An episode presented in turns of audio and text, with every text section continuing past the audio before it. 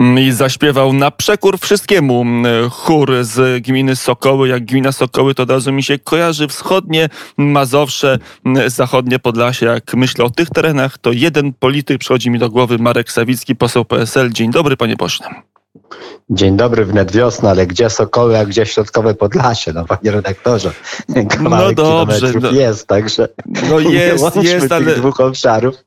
Choć powiem szczerze, że nadal widzenia... Podlasie z punktu widzenia Grodziska Mazowieckiego, to wie pan, wszystko co na wschód za Wisłą, to już jedno i to samo, mm, co nas tam będziemy się rozróżniać. No dobrze, ale mm, życie jest piękne, jak pan patrzy na tą trzecią falę i na ile jest tak, Gdy się żyć to umie, jest takie powiedzenie, gdy jeden człowiek drugiego zrozumie.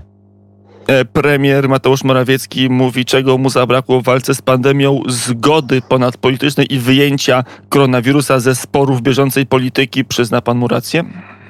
No to mógł nie prowokować i tej zgodę, zgodę budować, a nie rujnować, więc y, myślę, że dobrze, że uderza się w piersi, czas najwyższy. Ja powiem tak, no jutro będzie rocznica lockdownu pierwszego i trzeba sobie wyraźnie powiedzieć, że tak naprawdę niewiele nauczyliśmy się, niewiele nauczył się rząd.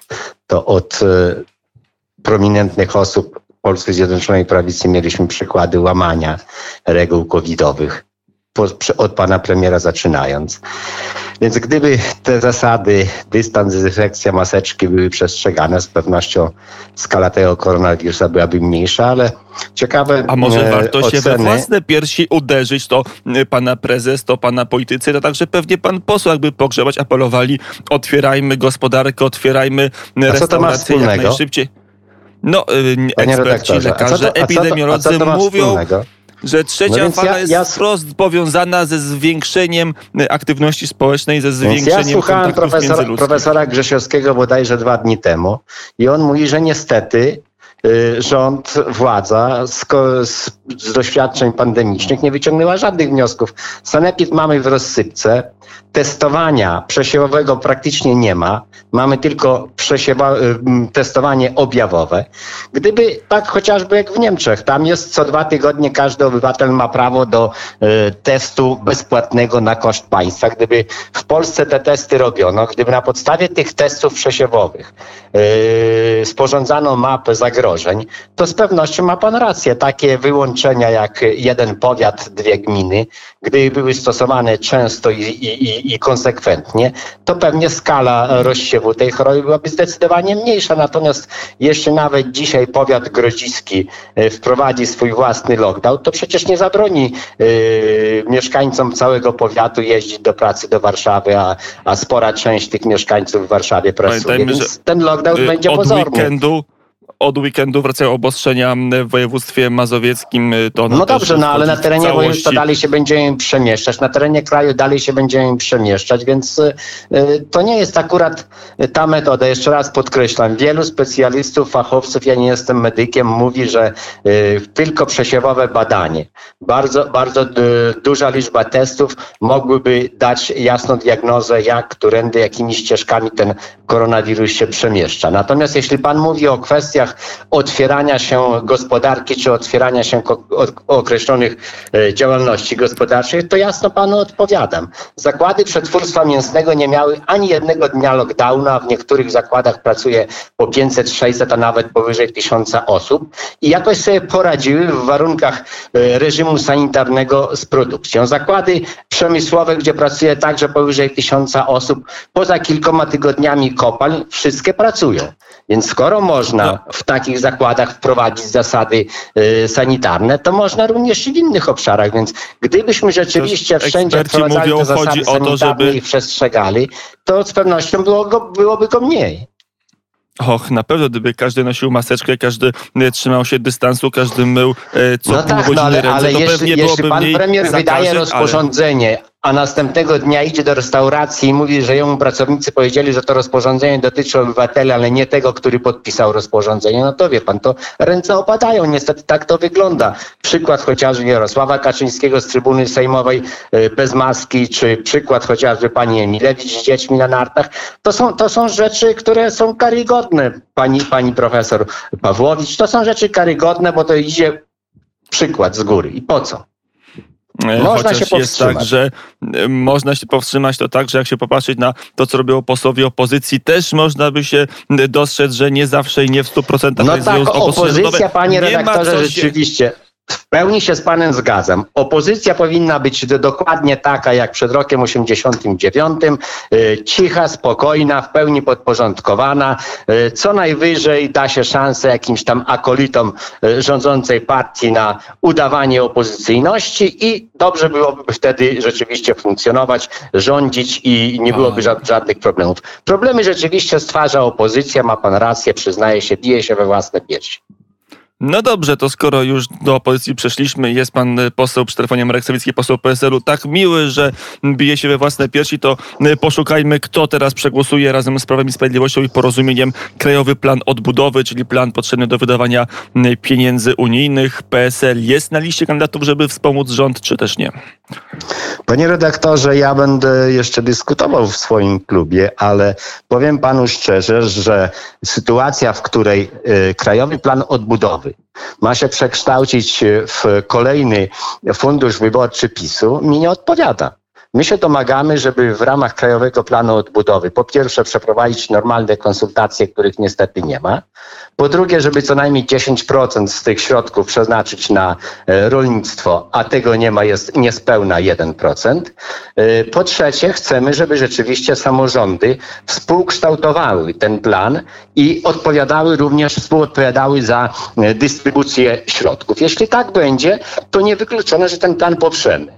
Natomiast chcę wyraźnie podkreślić, że też e, rozumiem Zbigniewa Ziobro i jego środowisko polityczne, bo z informacji, z wiedzy, jaką posiadam, wynika, że albo pan Szymański z panem premierem, minister, y, nie wiedzieli, co podpisują, albo wiedzieli i od września ubiegłego roku do grudnia y, okłamywali zwyczajnie społeczeństwo, bo mówili, że tego mechanizmu powiązania y, środków unijnych z praworządnością nie ma, że został złagodzony i tak dalej, i tak dalej. A okazało się po 10 grudnia, że on jest, że on jest w wersji jeszcze ostrzejszej niż ta, która była proponowana y, w projekcie rozporządzenia z 2018 roku. I istnieje bardzo duże niebezpieczeństwo, że środki, które ewentualnie pozyskamy w ramach tej części części pożyczkowej, e, mimo że ich nie dostaniemy, to będziemy, będą podwójnie przez budżet zwracane. Więc e, warto, żeby premier na te pytania odpowiedział, żeby dokładnie wyjaśnił, Ale... co za tym mechanizmem praworządności się kryje i rzeczywiście, e, czy jest to zagrożenie dla finansów państwa polskiego, czy też nie. Pan poseł uważa, że taki mechanizm jest dobry, jeżeli on byłby tak groźny, czy w takiej formie, jak mówi o tym Zbigniew Ziobro, to, to jest dla polskiej suwerenności, dla polskiej gospodarki dobry mechanizm, czy też zły? Panie redaktorze, jest tu ogromny dualizm, bo mówiliśmy o tym, czy mówiliśmy. Premier Mateusz Morawiecki i PiS komunikował opinię publiczną, że nie zgodzi się na dalsze, y, dalszą federalizację Unii Europejskiej. A to nie kto inny jak premier Morawiecki proponował Unii Europejskiej wspólne podatki i jednocześnie zgodził się na wspólny kredyt. A więc będziemy solidarnie odpowiadać za kredyty zaciągnięte przez wszystkie państwa europejskie, w tym Grecję, Hiszpanię, Włochy, ale także kraje nadbałtyckie jeśli któryś z tych, któreś z tych państw ze swojej spłaty się nie wywiąże, to oczywiście solidarnie wszyscy pozostałe państwa będziemy spłacać. My też. Oczywiście ja jestem za tym, żeby w ramach Europy był solidaryzm, ale solidaryzm odpowiedzialny i żeby o tym solidaryzmie pan premier uczciwie nasze społeczeństwo poinformował. Jak jest z tym mechanizmem praworządności? Czy prawdą jest, że jeśli Pan premier przedstawi, bo do tej pory nie przedstawił podziału środków, podziału środków z tej części y, pożyczkowej. Jeśli to, jeśli to przedstawi, to beneficjenci, którym te środki mają być przeznaczone, mają już je zagwarantowane.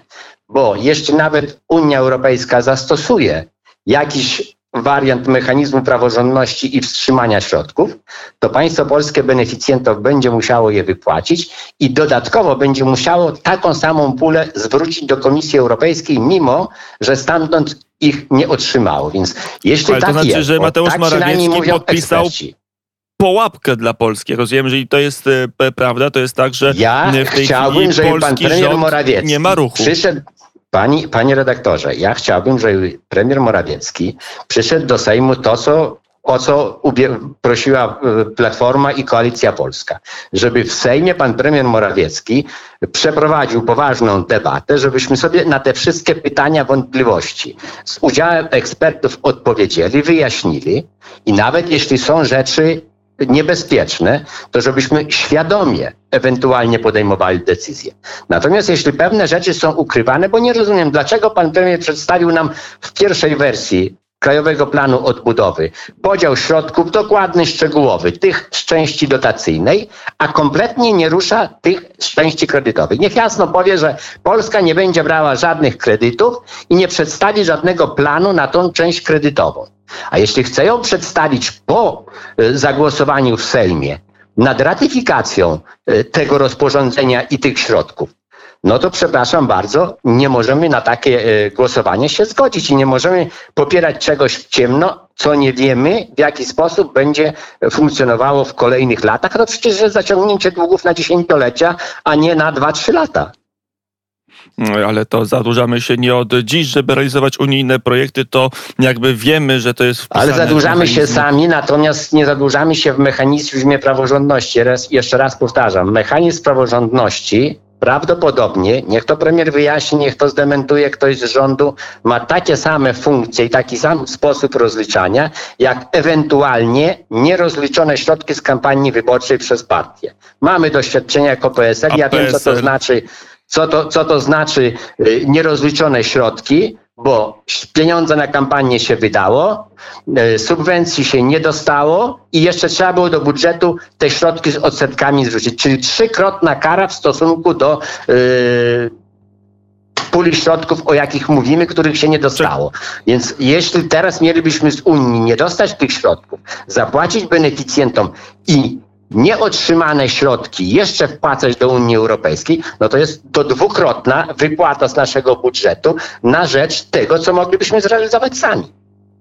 Mm, e, no, to jest może początek dyskusji na tym, na ile e, fundusze europejskie w tym kształcie razem z klauzulą praworządności na pewno są e, dobre dla polskiej gospodarki. Ostatni temat, panie pośle, polityka, bo dziennikarze, także politycy piszą, że to nie jest tylko kwestia suwerenności, nie jest tylko kwestia realizacji wydatkowania środków europejskich, to jest także kwestia być albo nie być rządu Mateusza Morawieckiego. To jest kwestia, która może zmienić konfigurację rządową w Polsce? Panie redaktorze, może zmienić, dlatego że jeśli rząd w normalnych warunkach demokratycznych, tak zawsze było po 1989 roku, nie miał większości, to funkcjonował jeśli miał y, jakieś y, ciche poparcie niektórych środowisk politycznych, to funkcjonował jako rząd mniejszościowy i takie rządy były. Przecież był rząd mniejszościowy Lewicy, był rząd mniejszościowy Puska, więc y, można funkcjonować rządem mniejszościowym, ale oczywiście nie na długą metę. Natomiast jeśli rząd, jeśli koalicja nie ma większości w Sejmie, no to siłą rzeczy albo poddaje się pod konstruktywne wotum zaufania, albo rozwiązuje się parlament. I o to się gra między innymi w tym planie, że PSL nie głosując za podaje różne powody merytoryczne, ale faktyczny powód jest taki, że w tym głosowaniu można wywrócić e, rząd Mateusza Morawieckiego? Nie, nie, nie jesteśmy tym zainteresowani. Panie redaktorze, naprawdę wyborcy dali temu rządowi yy, mandat do rządzenia, tylko chcielibyśmy, żeby rządził uczciwie, żeby pan premier nie wprowadzał nas w błąd, żeby jasno wyjaśnił, nad czym chce, żebyśmy głosowali, żebyśmy go poparli, bo Zbigniew Ziobro jasno to komunikuje, że nie może się zgodzić, bo, bo uważa, że federalizacja, federalizacja Europy jest niezgodna z racją stanu państwa polskiego i jego środowiska politycznego i uważa, że nie może się godzić na zaciągnięcie zobowiązań, które będzie ewentualnie spłacać się e, dwukrotnie czy trzykrotnie. Chcę jeszcze Wracamy podnieść, do no. początku naszej rozmowy. Naprawdę pan poseł jest przedstawicielem potulnej opozycji, która nie chce dojść do władzy i chce, żeby rządzący rządzili sobie e, dalej. E, ostatnie pytanie, panie pośle. Pan prowadził podobno rozmowy w tej kadencji y, z Prawem i Sprawiedliwością na temat ewentualnej koalicji. Czy dalej panie I prowadzi? I panie redaktorze, dobrze byłoby, dobrze byłoby, żeby pan moich kolegów politycznych na antenie nie wkręcał. Bo owszem, ja rozmawiałem na temat Rzecznika Praw Obywatelskich i prezesa Instytutu Pamięci Narodowej, ale nie rozmawiałem w żadnym wypadku w sprawach jakiejkolwiek koalicji i współpracy koalicyjnej, więc wkręcił pan pana e, marszałka Zgorzelskiego. On nerwowo zareagował, zupełnie niepotrzebnie, więc trzeba to jasno u pana na antenie zdementować. Nie, nie było żadnych rozmów w sprawie koalicji. Nie ma takiej potrzeby, żeby dziś rozmawiać w sprawie koalicji z Prawem i Sprawiedliwością, bo od lat, ja dokładnie to środowisko znam, największym wrogiem Prawa i Sprawiedliwości na scenie politycznej zawsze było Polskie Stronnictwo Ludowe. I tu żadnych e, rozmów nie było, nie ma i nie będzie możliwości, Oczywiście, aby zamiast tak. Solidarnej Nie ma Polski takiej możliwości, żeby rozmawiać z PiSem na temat koalicji. No dobrze, a ten rzecznik praw obywatelskich, który nam się pojawił, e, pan poseł Bartłomiej Wróblewski, o ile będzie zgłoszony, ma szansę przejść w Senacie, czy nie ma takich szans? Na pana no wyczucie no Właśnie dobrze, że pan mocno podkreśla, że o ile, kadencji. o ile będzie zgłoszony w Sejmie oczywiście zostanie wybrany, o ile będzie zgłoszony, natomiast nie wróżę mu sukcesów w Senacie, podobnie jak nie wróżyłem sukcesów panu Wawrzykowi. Kropka. Marek Sawicki, poseł PSL-u, był gościem popołudnia wnet. Panie pośle, dziękuję. bardzo za rozmowę. Do wnet wiosna. Wszystkiego dobrego. Wnet wiosna. I to jest hasło, za które panu posłowi dziękuję.